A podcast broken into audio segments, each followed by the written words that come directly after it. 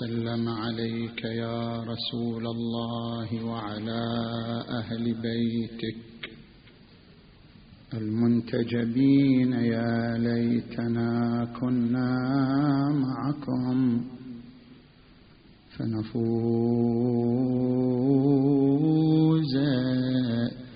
فوزا عظيما. أعوذ بالله من الشيطان الغوي الرجيم. بسم الله الرحمن الرحيم. فأقم وجهك للدين حنيفا. فطرة الله التي فطر الناس عليها. لا تبديل لخلق الله. آمنا بالله صدق الله العلي العظيم.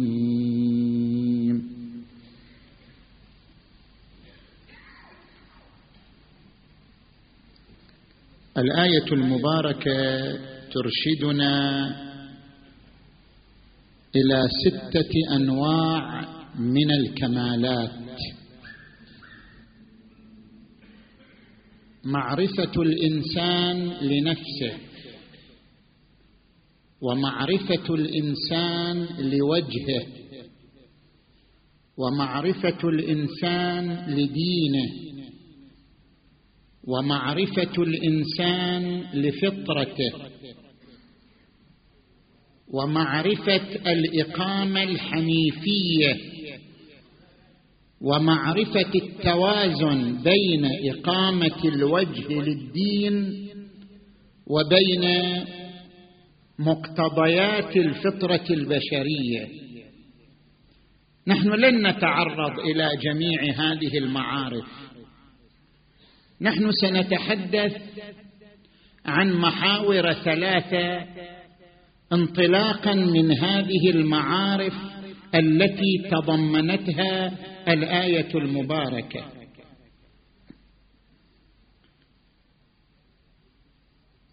معرفة الإنسان لنفسه. سنتحدث حول الفطرة وأنواع الفطرة. سنتحدث عن الوجه الظاهري والوجه الباطني للإنسان. سنتحدث عن عناصر تنمية الطاقة الروحية لدى الإنسان. نأتي إلى المحور الأول. الآية الكريمة قالت فأقم وجهك للدين حنيفا فطرة الله التي فطر الناس عليها لا تبديل لخلق الله. ما هي الفطرة؟ وما هي مراتب الفطرة وأقسام الفطرة؟ الفطرة هي الهيئة التي خلق عليها الإنسان. البنية التي ولد عليها الإنسان. تلك الهيئة التي خلق عليها الإنسان وبني عليها الإنسان تسمى بالفطرة وهي هيئة لازمة. لا تنفك عن وجود الإنسان. لا يمر على الإنسان زمن إلا وهو يعيش الفطرة فهي من لوازم وجوده التي لا تنفك عنه. ما هي أنواع الفطرة مراتب الفطرة. الفطرة على أقسام خمسة. فطرة الفقر فطرة الإنقياد فطرة الرجاء فطرة الخوف فطرة الحب للكمال. هذه الأقسام للفطرة أو هذه الغرائز الفطرية الخمس نحن نستقيها من القرآن الكريم. القرآن الكريم هو الذي يقسم لنا الغرائز الفطرية والميول الفطرية لدى الإنسان إلى خمسة أقسام. الغريزة الأولى فطرة الفقر. القرآن الكريم يقول يا أيها الناس أنتم الفقراء إلى الله والله هو الغني. ما معنى أن الإنسان فقير؟ الإنسان كلما تأمل في وجوده رأى وجوده محدود. مهما درس وتعلم يرى علمه محدود. مهما كانت له طاقة بدنية وقدرة عضلية يرى طاقته محدودة. مهما كان له من قوة عقلية ونبوغ يرى عقله محدود. الإنسان أينما أدار وجهه يرى أنه محدود بالنقص. أينما التفت يرى أن قدرته ناقصة معدومة ستنتهي. يوما من الأيام يرى قدرته البدنية وهو يدري أنها ستنمحي يوما من الأيام. يرى قوة عقله يدرك أنه سيختفي يوما من الأيام.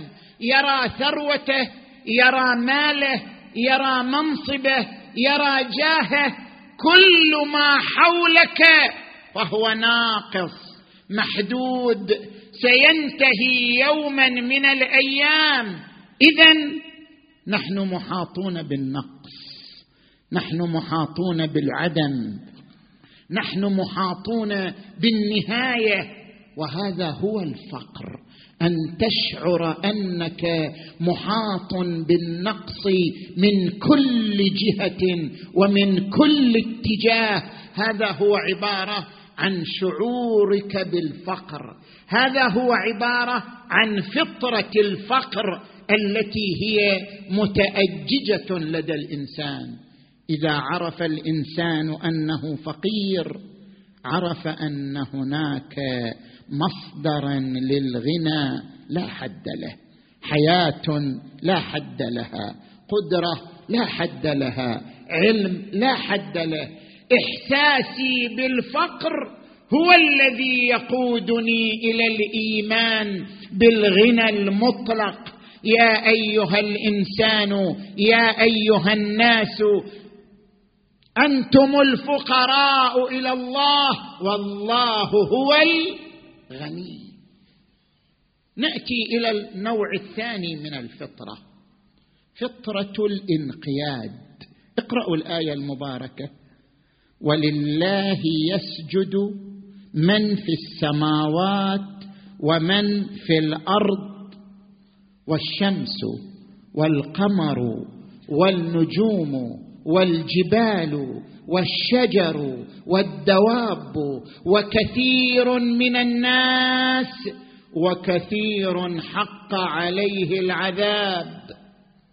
هذه الآية ترشد إلى النوع الثاني من الفطرة ألا وهو فطرة الانقياد. ما معنى فطرة الانقياد؟ أنت عندما تدير وجهك إلى الكون ترى كل الكون خاضع لله تبارك وتعالى. كل الكون خاضع لقوانين صارمة لا يتخلف عنها ولا يختلف فرضها عليه من خلقها. كل الكون يعيش الخضوع يعيش الأسر يعيش الذل لله تبارك وتعالى. خضوع الكون هو سجود الكون. ولله يسجد. من في السماوات ومن في الأرض؟ الشمس القمر؟ أمثلة لمن في السماوات ومن في الأرض. الشمس القمر النجوم الجبال الشجر الدواب. يطرح القرآن لنا أمثلة. ثم عندما يأتي للإنسان يقول وكثير من الناس وكثير حق عليه العذاب. ما معنى ذلك؟ الإنسان على ثلاثة أقسام. إنسان أدرك أن الكون خاضع لله وأدرك أنه جزء من الكون فهو خاضع لله بقواه البدنية وقواه العقلية. هو خاضع لله أيضا. ولأنه أدرك أن الكون خاضع لله حول هذا الخضوع من خضوع معرفي إلى خضوع عملي فهو ساجد لله مبتهل لله قد أفلح المؤمنون الذين هم في صلاتهم خاشعون. الخشوع أن تحول الخضوع الكوني إلى خضوع عملي. قد أفلح المؤمنون الذين هم في صلاتهم خاشعون. هؤلاء قال عنهم وكثير من الناس.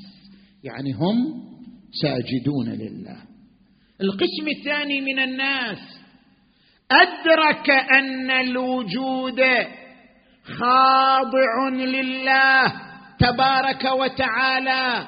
لكنه تمرد على هذه المعرفة واستكبر وأبى أن يخضع لله تبارك وتعالى فهذا يدخل تحت الجملة الثانية وكثير حق عليه العذاب لأنه لم يحول الخضوع المعرفي إلى خضوع عملي.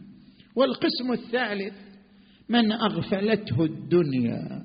فلم يدرك شيئا أصلا. تعلق بالدنيا حتى أنسته الدنيا أن يتأمل في الكون وأن يتأمل في الوجود. فهذا قسم ثالث يندرج تحت قوله تعالى نسوا الله فأنساهم أنفسهم. أولئك هم الغافلون. اذا فطرة الانقياد أن تشعر بالخضوع الكوني وتحوله إلى خضوع عملي. جاء رجل إلى الإمام الصادق عليه السلام قال دلني على الله. أين الله؟ دلني على الله. قال له هل ركبت البحر؟ قال نعم. قال هل صادف أن غرق بك السفين؟ قال نعم. قال عندما صرت في لجة البحر حيث لا منقذ ينجيك ولا ملجأ يأويك. هل تعلق قلبك بشيء؟ عندما صرت في وسط الأمواج وأيقنت أن لا منقذ أن لا ملجأ هل تعلق قلبك بشيء؟ هل قلبك ألفتك نبهك إلى أن هناك جهة هي الوحيدة القادرة على إنقاذك. هل حصل لك هذا؟ قال نعم قلبي حدثني بشيء مال قلبي إلى شيء. قال ذلك هو الله. هذا هو عبارة عن فطرة الانقياد. أن الإنسان بفطرته ينقاد إلى القوة العظمى والكمال الأعظم ألا وهو الله تبارك وتعالى. القسم الثالث من الفطرة فطرة الرجاء.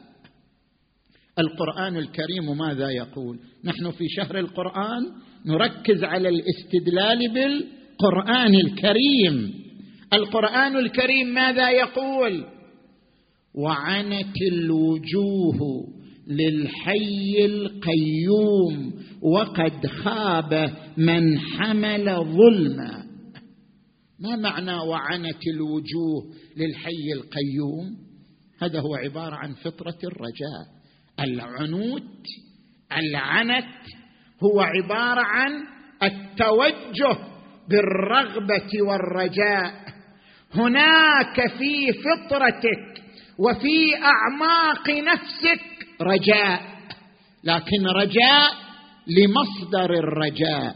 من هو مصدر الرجاء؟ الإنسان يرجو أحيانا من رئيسه فلا يلبي رجاءه. يرجو من أبيه فلا يلبي رجاءه. يرجو من زوجته أو زوجه فلا يلبي رجاءه. يرجو من الوزير أو الأمير فلا يلبي رجاءه. لا تعلق رجاءك على المحدود. فإن كل هؤلاء مثلك طاقة محدودة. اربط رجاءك بالمصدر اللا محدود. الرجاء الفطري الرجاء الحقيقي هو الرجاء الذي يتعلق بالمصدر الغني. وهو المصدر اللامحدود لا تربط رجاءك بالمحدود فإنه لن يشبعك لن يلبي حاجتك. اربط هذا التوجه الفطري بالمصدر اللامحدود لذلك قال تبارك وتعالى وعنت الوجوه لمن؟ للحي. الذي لا نهاية لحياته للقيوم الذي لا حد لقيمومته ارتبطت بالمصدر اللامحدود وعنت الوجوه للحي القيوم. وقد خاب من حمل ظلما. ما معنى وقد خاب من حمل ظلما؟ يعني من علق رجاءه على البشر فقد ظلم نفسه. ولأنه ظلم نفسه فهو خائب لن يحقق رجاءه أبدا. وقد خاب من حمل ظلما ولا ييأس ولا تيأسوا من من روح الله. إنه لا ييأس من روح الله إلا القوم الكافرون. الفطرة الرابعة فطرة الخوف. هل نحن نخاف الله؟ فتش قلبك. هل أنت تخاف الله؟ نبه ضميرك. هل أنت تخاف الله؟ لا. الله لا يخاف منه. الله هو مصدر الرحمة هو مصدر الرأفة. هو الرحمن الرحيم. ورحمتي وسعت كل شيء. اذا لماذا نخاف؟ نحن لا نخاف من الله. عندما نفتش أنفسنا نحن لا نخاف من الله. نحن نخاف من النقص. نخاف من الفناء لا نخاف من الله. نحن نخاف أن تذهب أموالنا فنعيش فقراء. نخاف أن تذهب صحتنا فنعيش مرضى. نخاف أن يذهب منصبنا فنصبح أناس عاديين. نخاف أن نخسر أولادنا فنعيش غربة ووحدة. نحن عندما نخاف فنحن نخاف من النقص نخاف من الفناء. اذا لماذا نخاف من الله؟ نحن في الواقع لا نخاف من الله إنما نخاف من ذنوبنا. إنما نخاف من معاصينا. الخوف ليس من الله. الله هو مصدر الرحمة مصدر الغنى مصدر الرافه لكنني أخاف أن ذنوبي تلوثني وتقذرني فتبعدني عن الرحمة الإلهية. أنا لا أخافه. وإنما أخاف من ذنوبي أن تحجزني عن رحمته. إني أخاف إن عصيت ربي عذاب يوم عظيم. ولذلك نحن نقرأ في الدعاء يا من لا يرجى إلا فضله ولا يخشى إلا عدله. نحن لا نخشى منه نخشى من ذنوبنا. ولا يخشى إلا عدله. ونقول في الدعاء الآخر جللت أن يخاف منك إلا العدل وأن يرجى منك إلا الإحسان والفضل. نجي إلى الفطرة الخامسة فطرة حب الكمال. الإنسان بفطرته يحب الكمال. كلما وصل إلى درجة من الثروة يرغب في ثروة أكبر لأنه يحب الكمال. كلما وصل إلى درجة من العلم يريد علما أكثر لأنه يحب الكمال. كلما وصل إلى درجة من العضلات والقوة البدنية يريد لياقة وقوة أكبر. لأنه يحب الكمال. دائما عشق الإنسان وحب الإنسان منصب على الكمال. يريد أن يصل إلى الكمال. لكنه كلما وصل إلى كمال رآه كمالا محدودا. فيتوجه إلى الكمال الذي أرقى منه إلى أن يصل إلى نتيجة ان لا كمال مطلق الا الله تبارك وتعالى. اقرأوا الآية المباركة.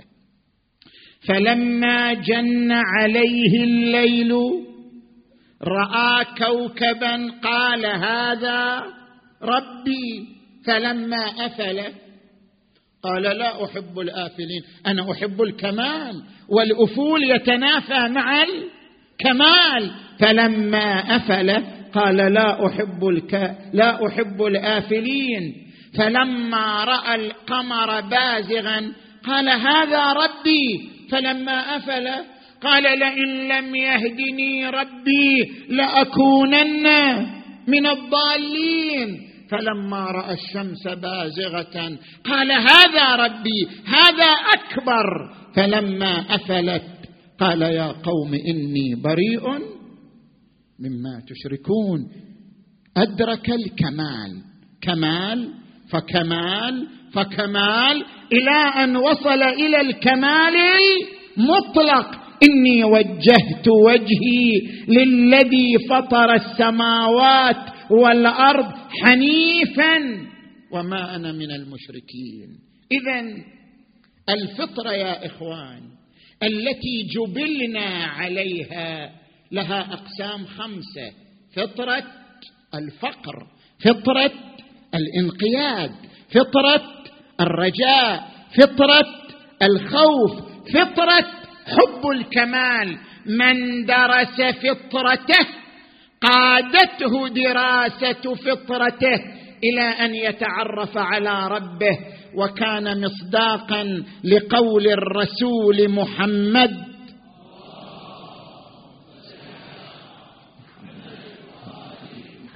من عرف نفسه فقد عرف ربه. من عرف فطرته تعرف على مصدر الفطرة. من عرف نفسه فقد عرف ربه. هذا هو المحور الأول من حديثنا. نجي إلى المحور الثاني. المحور الثاني من حديثنا أن الآية المباركة قالت فأقم وجهك للدين حنيفا. فطرة الله فطرة الله عرفناها بأقسامها الخمسة. نجي إلى معنى فأقم وجهك. ما معنى أقم وجهك؟ الوجه على نوعين وجه ظاهري ووجه باطني. الوجه الظاهري هو هذا وجه الإنسان. قد نرى تقلب وجهك في السماء فلنولينك قبلة ترضاها فول وجهك شطر المسجد الحرام. هذا الوجه الظاهري. أما الوجه الباطني ما هو؟ ركز على وجهك الباطني أكثر من تركيزك على وجهك الظاهري. شوف إحنا نعتني بالوجه الظاهري. نتجمل نرتب وجوهنا نتزين نعنى ونهتم بالوجه الظاهري. لكن ينبغي الأولوية للاهتمام بالوجه الباطني. ما هو الوجه الباطني؟ الوجه الباطني له مراتب ستة يذكرها. علماء الأخلاق مرتبة الحس مرتبة العقل مرتبة القلب مرتبة الروح مرتبة السر مرتبة أخفى يعلم السر وأخفى. نذكر هذه المراتب. نجي إلى المرتبة الأولى مرتبة الحس. ما هي مرتبة الحس؟ القرآن الكريم يقول زين للناس حب الشهوات من النساء والبنين والقناطير المقنطرة من الذهب والفضة والخيل المسومة والأنعام والحرث. ذلك متاع الحياة الدنيا. نحن متعلقون بمرتبة الحس. نحن متشبثون بهذه الشهوات. نحن طول أوقاتنا بين البطن والفرج والجيب واللذة. أنت الآن راقب وقتك. أنت الآن عندك كم؟ أربعة وعشرين ساعة. في هالأربعة وعشرين ساعة وين تقضيها؟ جاوب كيف تقضي هالأربعة وعشرين ساعة؟ وقت مع البطن. وقت مع الجيب عمل شغل وهذا اللي ياخذ أكثر الوقت من الصبح إلى الليل أنت مع الجيب مع الجيب عمل شغل. وقت مع البطن وقت مع الجيب وقت لممارسة اللذة مع الشهوات وقت مع الأبناء وقت مع العائلة وقت مع الاستجمام والراحة. أين وقت الآخرة؟ أين وقت العالم الثاني؟ أين وقت المصير النهائي؟ زين للناس حب الشهوات. نحن نقضي كل أوقاتنا مع الشهوات من النساء والبنين والقناطير المقنطرة من الذهب والفضة والخيل المسومة والأنعام والحرث. ذلك متاع الحياة الدنيا.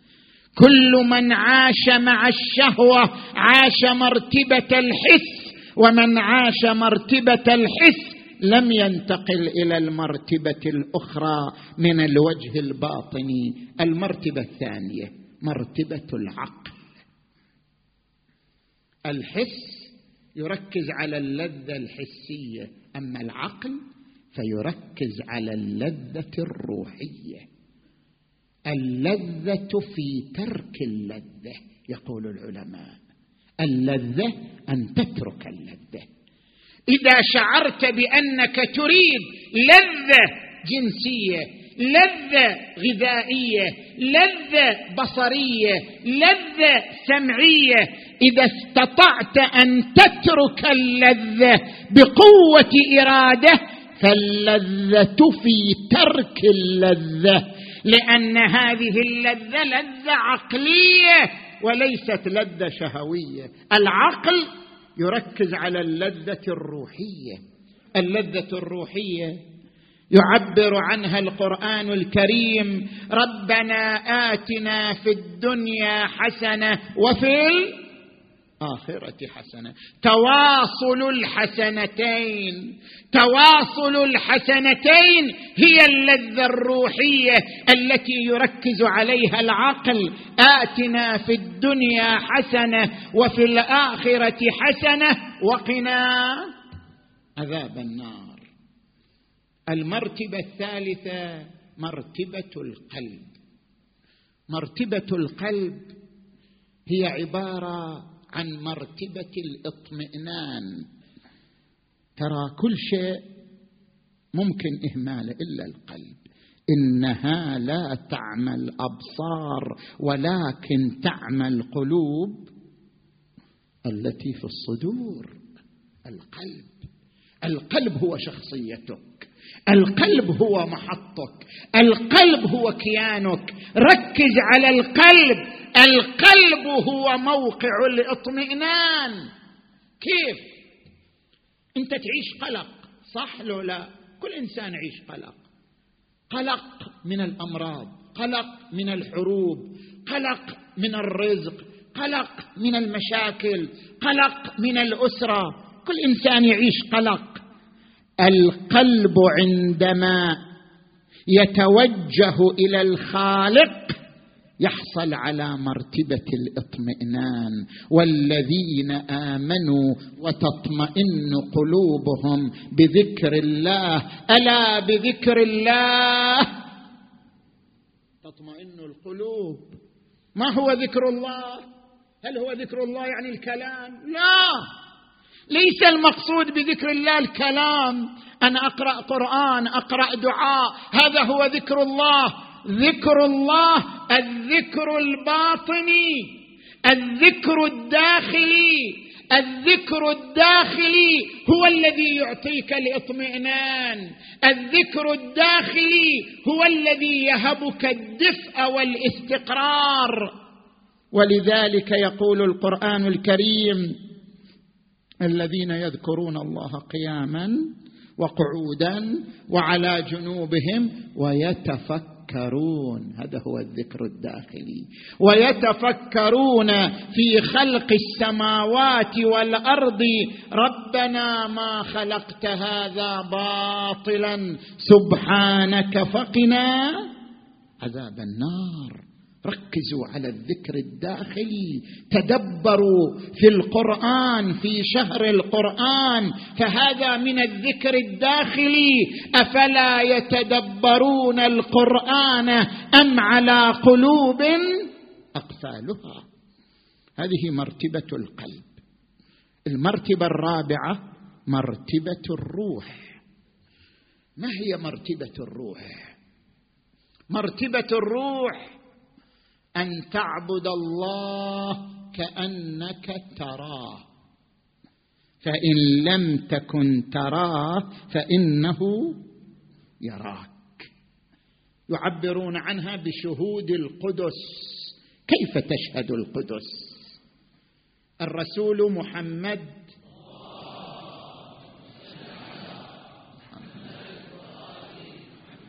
يسأل زيد بن حارثة.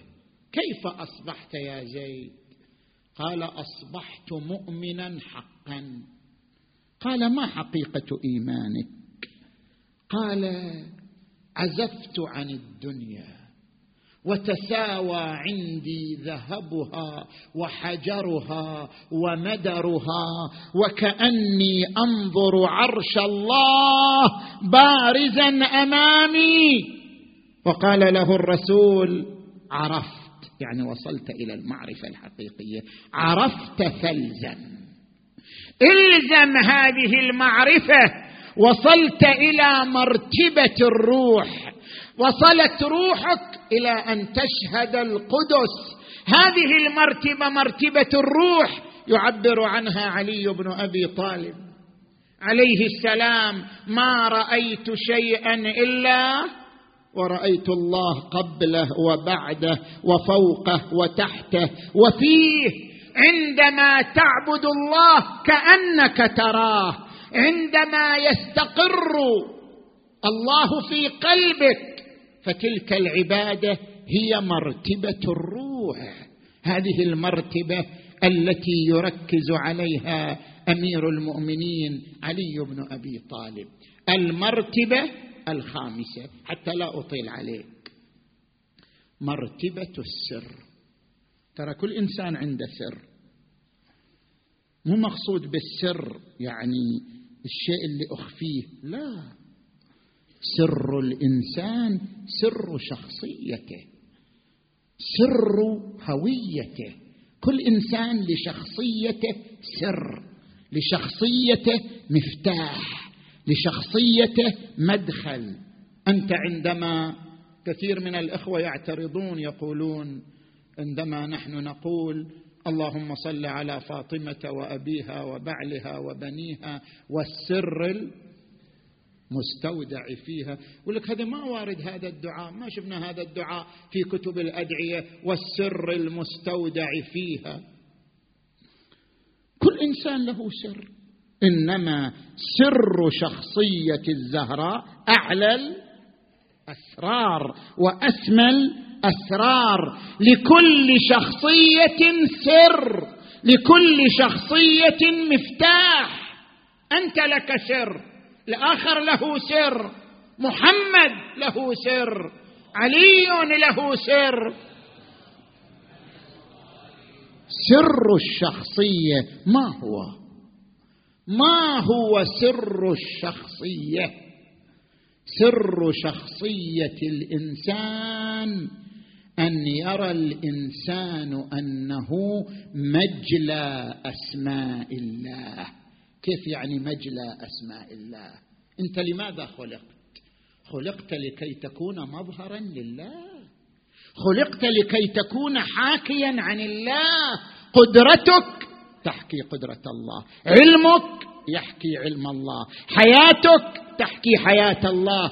خلقت لكي تكون مظهرا لله مجلى لأسماء الله. عندما يصل الإنسان إلى هذه الدرجة فيدرك أن أسماء الله تجسدت في شخصيته فقد وصل إلى مرتبة السر. أتحسب أنك جرم صغير وفيك انطوى العالم الأكبر العالم الأكبر أسماء الله. فيك انطوت تجلت أسماء الله تبارك وتعالى. أنت مجلى أسماء الله. إذا وصلت إلى هذه المرتبة وصلت إلى مرتبة السر. فاطمة حازت من هذه المرتبة. اعلى درجاتها وأسمى منازلها فكان السر المستودع فيها أعلى الأسرار وأسمى الأسرار. والمرتبة الأخيرة أخفى يعلم السر وأخفى. هذه هي التي يعبرون عنها بمرتبة الفناء أن يذوب الإنسان في الله. فلا يرى شيئين ما يقول الله وأنا. لا. لا يرى إلا الله. لا يرى اثنين. أنا والله. ابدا. يصل إلى مرتبه يفنى في الله. عبر عنها الحسين بن علي.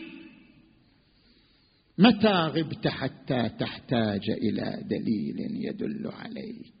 ومتى كانت الآثار هي التي توصل إليك؟ عميت عين لا تراك عليها رقيبا وخسرت صفقة عبد لم تجعل له من ودك نصيبا. وعلي بن أبي طالب. قيل يا علي هل رأيت ربك؟ قال وكيف أعبد ربا لم أره؟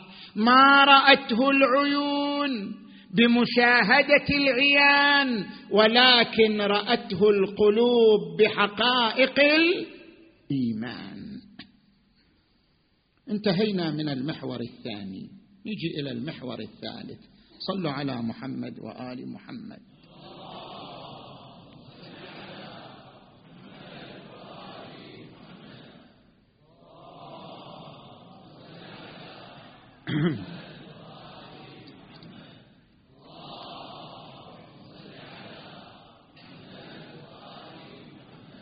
نحن في شهر رمضان نحن في ليلة الجمعة نحن في ليالي القدر لأن ليلة القدر مرددة بين كل ليالي رمضان.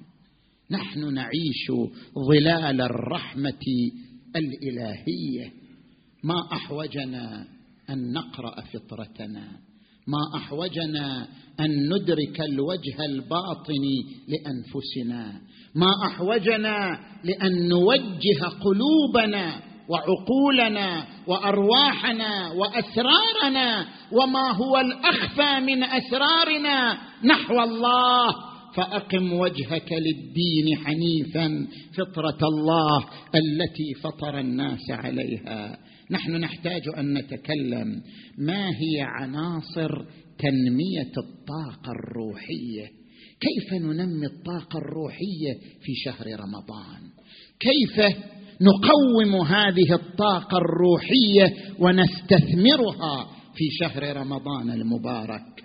أتعرض هنا إلى ثلاثة عناصر من عناصر تنمية الطاقة الروحية. العنصر الأول البحث عن سبب الذنب. اطرح على نفسك هذا السؤال. لماذا نحن نذنب ثم نعود إلى الذنب؟ لماذا؟ نذنب ونتوب ونؤوب ونبكي ونرجع إلى الله ثم نعود إلى الذنب مرة أخرى. ثم نزاول المعصية مرة أخرى. كأننا لم نتب كأننا لم نرجع كأننا لم نبكي. نعود إلى الذنب مرة ثانية. ما هي الأسباب؟ فتش عن الأسباب. حاول أن تصل إلى الأسباب المؤثرة في رجوعك إلى الذنب. ما هي هذه الأسباب؟ نحن نقرأ الآن مقطعا من مقاطع دعاء أبي حمزة عن الإمام زين العابدين علي عليه السلام يشرح لنا لماذا نعود إلى المعصية بعد أن تبنى منها؟ ما هي المؤثرات التي تدعونا إلى المعصية؟ يقول مالي كلما قلت قد صلحت سريرتي وقرب من مجالس التوابين مجلسي عرضت لي بلية أزالت قدمي وحالت بيني وبين خدمتك سيدي. ما هي أسباب بعدي عنك؟ لعلك عن بابك طردتني. وعن خدمتك نحيتني أو لعلك رأيتني مستخفا بحقك فأقصيتني أو لعلك رأيتني معرضا عنك فقليتني أو لعلك وجدتني في مقام الكاذبين فرفضتني أو لعلك رأيتني غير شاكر لنعمائك فحرمتني أو لعلك فقدتني من مجالس العلماء فخذلتني أو لعلك رأيتني في الغافلين فمن رحمتك آيستني. أو لعلك رأيتني آلف مجالس البطالين فبيني وبينهم خليتني. أو لعلك لم تحب أن تسمع دعائي فباعدتني أو لعلك بجرمي وجريرتي كافيتني أو لعلك لقلة حيائي منك جازيتني. أسباب أربعة يعرضها الإمام للعود إلى الذنب للرجوع إلى الرذيلة. السبب الأول عدم التوبة النصوح. نتوب ونسكت عن الذنب. نذنب ونغفل عن الذنب. نذنب وننسى الذنب. وتتراكم الذنوب على القلب. وإذا تراكمت الذنوب على القلب أثرت أثرها. ومن أثرها أننا نعود إلى الذنب كأنه لم يكن شيء لأننا ننسى ذنوبنا نغفل عن معاصينا لأننا لم نقم بالتوبة النصوح. نعم نندم نتحسر نتأسف. لماذا أذنبنا؟ لكننا لا نتوب التوبة النصوح. لذلك نعود إلى الذنب مرة أخرى. يا أيها الذين آمنوا توبوا إلى الله توبة نصوحا. نحن لا نتوب توبة نصوحا. فلذلك نكرر الذنب ونعود إليه مرة بعد أخرى. يشير الإمام إلى هذا السبب. أن هذا استخفاف بحقك أو لعلك. رأيتني مستخفا بحقك فأقصيتني. السبب الثاني الإعراض عن الله. نحن معرضون عن الله. لا تقل نحن الآن حاضرون ونسمع الذكر ونقرأ القرآن. فأين الإعراض؟ لا! نحن معرضون. الاعراض أن لا تحب أن تسمع الموعظة. إذا كنت لا ترغب أن تسمع موعظة فقلبك معرض. إذا كنت لا ترغب أن تذكر ذنوبك فقلبك معرض. لا أريد أن أذكر ذنوبي ابدا لأن ذكر ذنوبي يؤذيني. أنا أعرض عنها. لا أريد أن أسمع موعظة. لا أريد أن أسمع دعاء رقيقا. يذكرني بالآخرة. يذكرني بلسعة المعصية. لا أريد. أصم سمعي عن ذلك كله. اذا قلبي معرض. قلبي ميت قلبي غافل. لهم قلوب لهم أعين لا يبصرون بها لهم آذان لا يسمعون بها لهم قلوب لا يفقهون بها. أولئك كالأنعام بل هم أضل أولئك هم الغافلون. يشير الإمام إلى هذا السبب عندما يقول أو لعلك أو لعلك رأيتني معرضا عنك فقليتني. السبب الثالث مجالس الموت لا مجالس الحياة. المجالس على قسمين مجالس موت مجالس حياة. مجالس الموت مجالس العلماء. العلماء يذكرونك بالله. العلماء يذكرونك بالآخرة. العلماء يحركون فكرك يوقظون قلبك عندما تعرض عن مجالس العلماء. فأنت أعرضت عن مجالس الحياة وأقبلت على مجالس الموت. ما هي مجالس الموت؟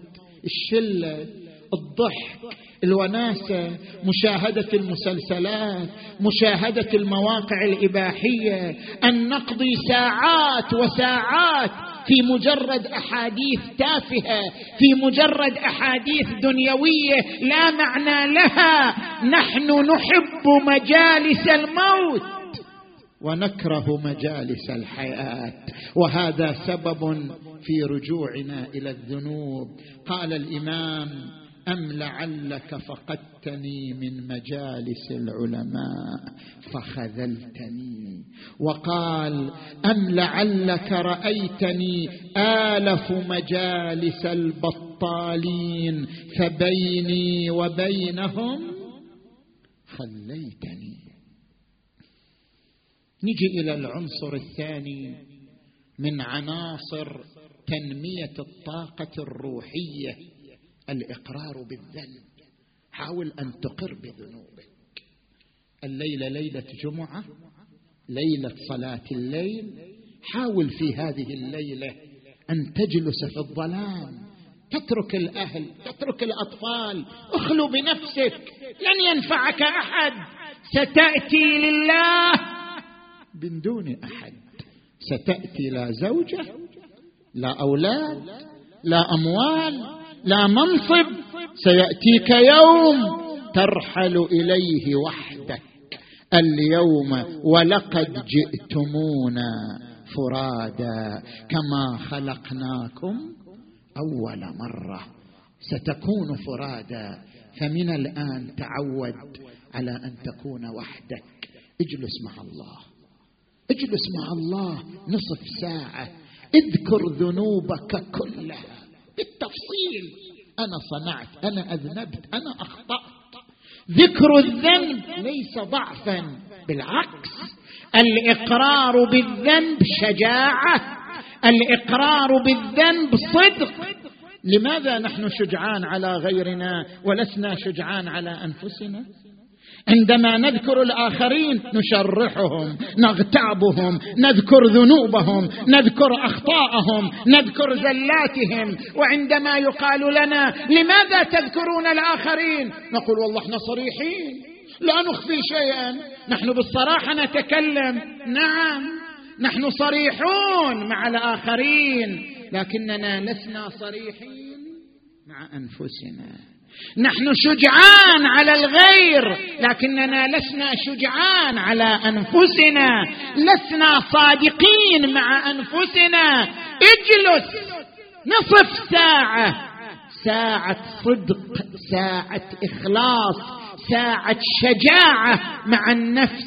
أقر بالذنوب ذنبا ذنبا لتخلص إلى التوبة لتخلص إلى الطاعة. ذكر الذنوب والإقرار بها اولا يحسسك ببشاعتها وفظاعتها ثانيا يعطيك الشجاعة ويدربك على قوة الإرادة. وثالثا يربطك بالله تبارك وتعالى. الإمام زين العابدين يعلمنا كيف نقر بذنوبنا. أنا يا رب الذي لم أستحيك في الخلاء ولم أراقبك في الملا أنا صاحب الدواهي العظمى أنا الذي على سيده اجترى أنا الذي عصيت جبار السماء أنا الذي أعطيت على معاصي الجليل الرشا أنا الذي حين بشرت بها خرجت إليها أسعى. أنا الذي أمهلتني فما ارعويت وسترت علي فما استحييت وعلمت بالمعاصي فتعديت. وأسقطتني من عينك فما باليت فبحلمك أمهلتني وبسترك سترتني حتى كأنك أغفلتني ومن عقوبات المعاصي جنبتني حتى كأنك استحييتني. إلهي إلهي لم أعصك حين عصيتك. وأنا بربوبيتك جاحد ولا بأمرك مستخف ولا لعقوبتك متعرض ولا لوعيدك متهاون لكن خطيئة عرضت وسولت لي نفسي وغلبني هواي وأعانني عليها شقوتي وغرني سترك المرخى علي. اعترف بالذنب أقر بالمعصية. العنصر الأخير من عناصر تنمية الطاقة الروحية البكاء.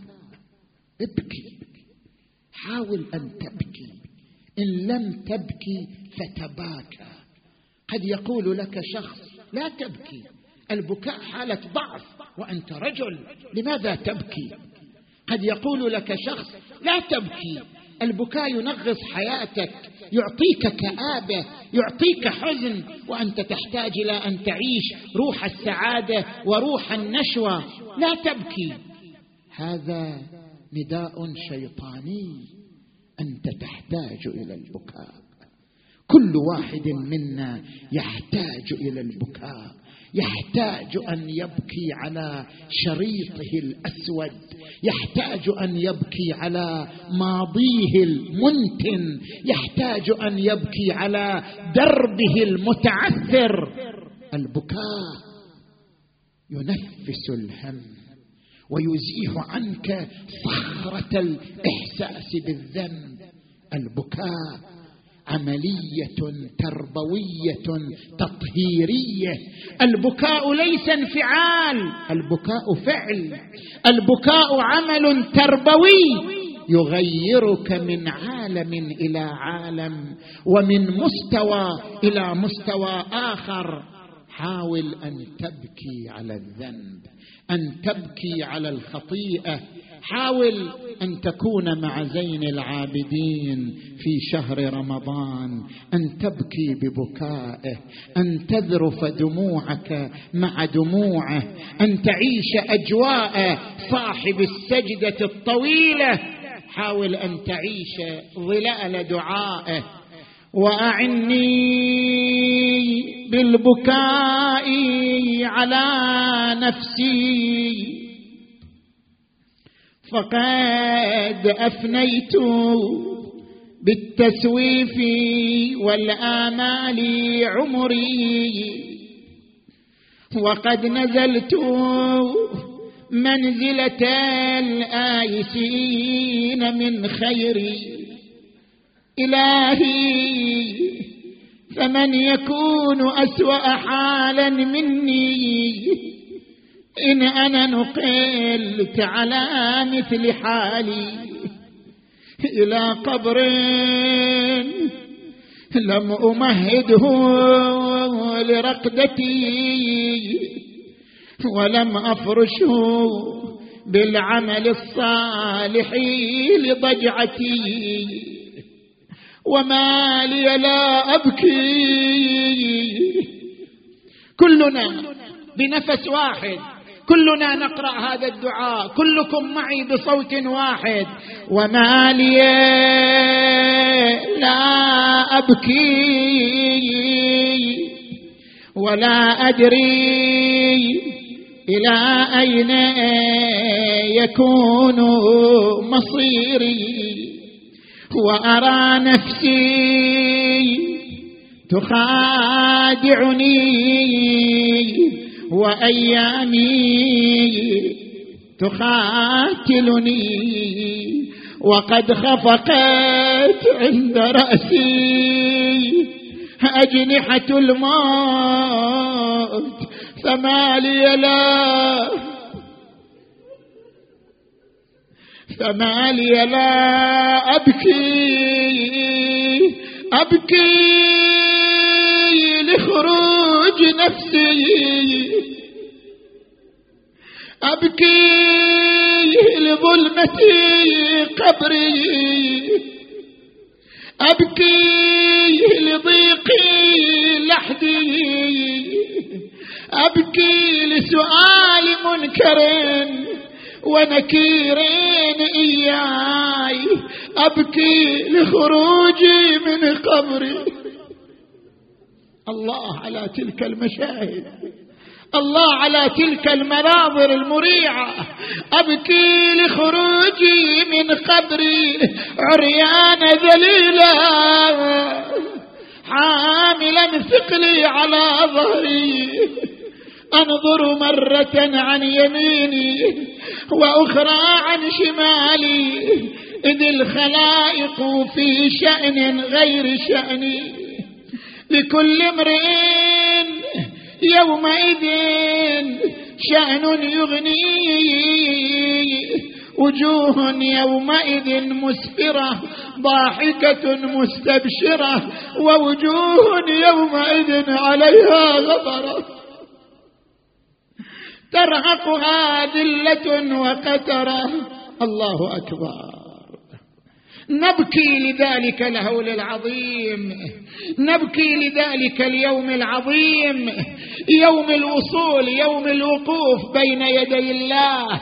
كل عين باكية يوم القيامة. كل عين باكية يوم القيامة. إلا ثلاث. عين بكت من خشية الله. وعين غضت عن محارم الله. بعد وانت في ليلة جمعة وانت في ليلة التعلق بأهل البيت وانت في رحاب أهل البيت وعين بكت على أبي عبد الله. يستاهل الدمع أبو علي. يستاهل الحرقة أبو علي. توجه بقلبك نحو كربلاء. هذه الليلة ليلة زيارة الحسين وأريدها تطلع من قلبك. تبكيك عيني. يا حسين. تبكيك عيني لا لأجل مثوبة لكنما عيني لأجلك باكية. ليش عيني لأجلك باكية؟ ليش؟ ليش عيني لاجلك باكيه يا أبا عبد الله؟ ها نقرأ هذه الفقرات من زيارة إمامنا صاحب العصر والزمان إلى جده الحسين حتى نعرف ليش العين باكية هذه الليلة. فسقطت. وياي وياي. انت امشي امشي إلى ضريح الحسين. امشي إلى قبر الحسين ودموعك على خديك وأنت تخاطب القبر كأن الحسين أمامك فسقطت على الأرض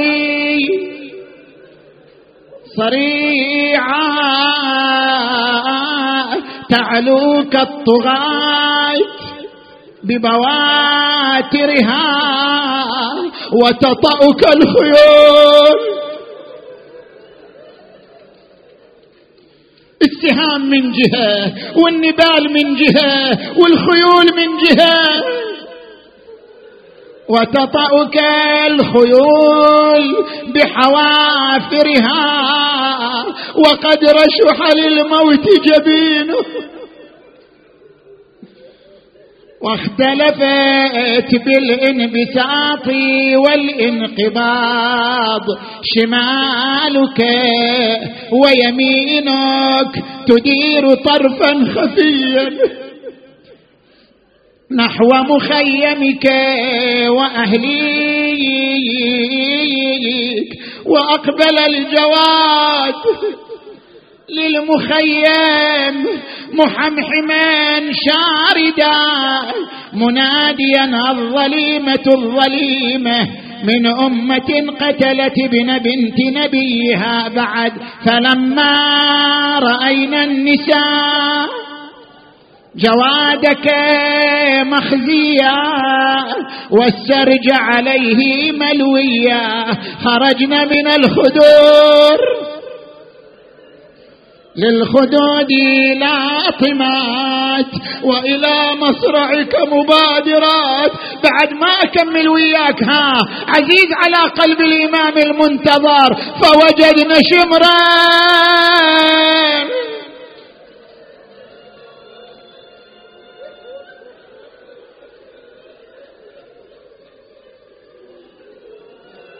ما تقدر ما تقدر على أكمل وياك. ما تقدر تسمع الكلمات.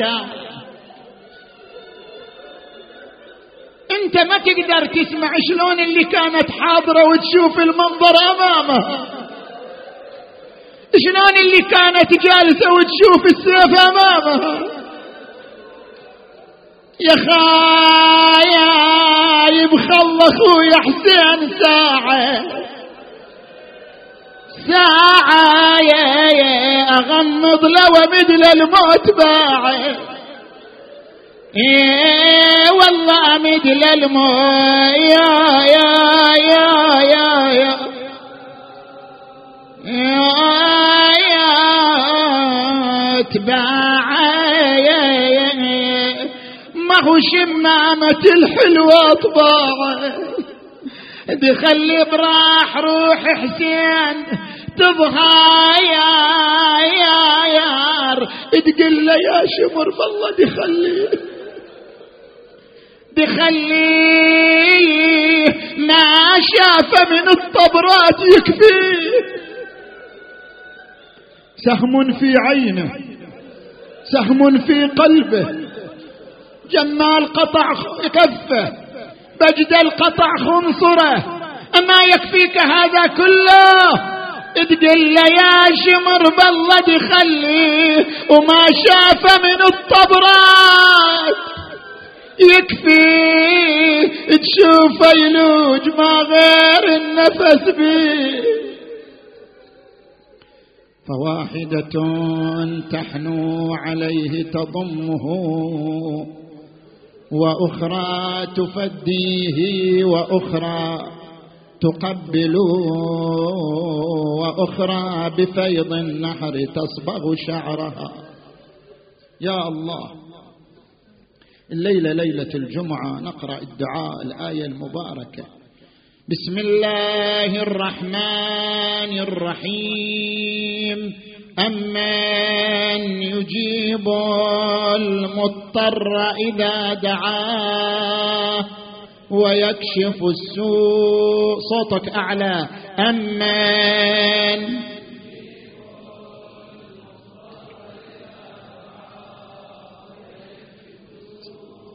أمن يجيب المضطر إذا دعاه.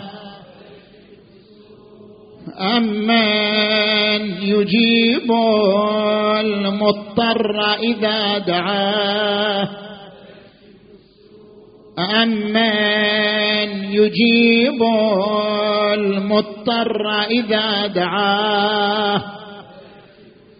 عشر مرات يا الله يا الله يا الله. يا الله يا الله يا الله يا الله يا الله يا الله يا الله يا الله. اللهم بحق حبيبك المصطفى محمد وآله الطاهرين. اللهم اغفر ذنوبنا واستر عيوبنا وكفر عنا سيئاتنا وتوفنا مع الأبرار اللهم اشف مرضانا ومرضى المؤمنين والمؤمنات واقض حوائجنا وحوائجهم اللهم اجعلنا في هذه الليلة الشريفة وفي هذا الشهر الشريف من عتقائك من جهنم وطلقائك من النار وسعداء خلقك بمغفرتك ورضوانك يا أرحم الراحمين. اللهم صل على محمد وآل محمد. اللهم كن لوليك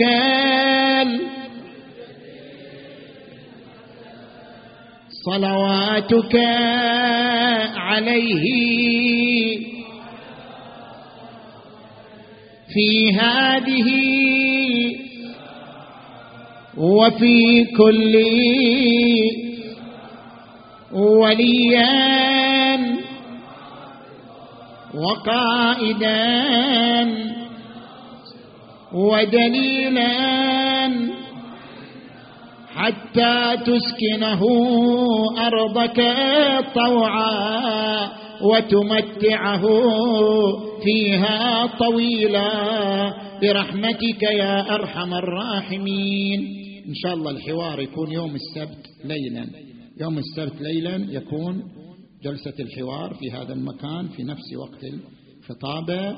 وإن شاء الله نتناول الاسئله الفكريه والفقهية وأسئلة حول المحاضرات السابقة من قبلكم جميعا رجالا ونساء إن شاء الله تعالى. وإلى أرواح أمواتكم وأموات المؤمنين والمؤمنات الفاتحة تسبقها الصلوات.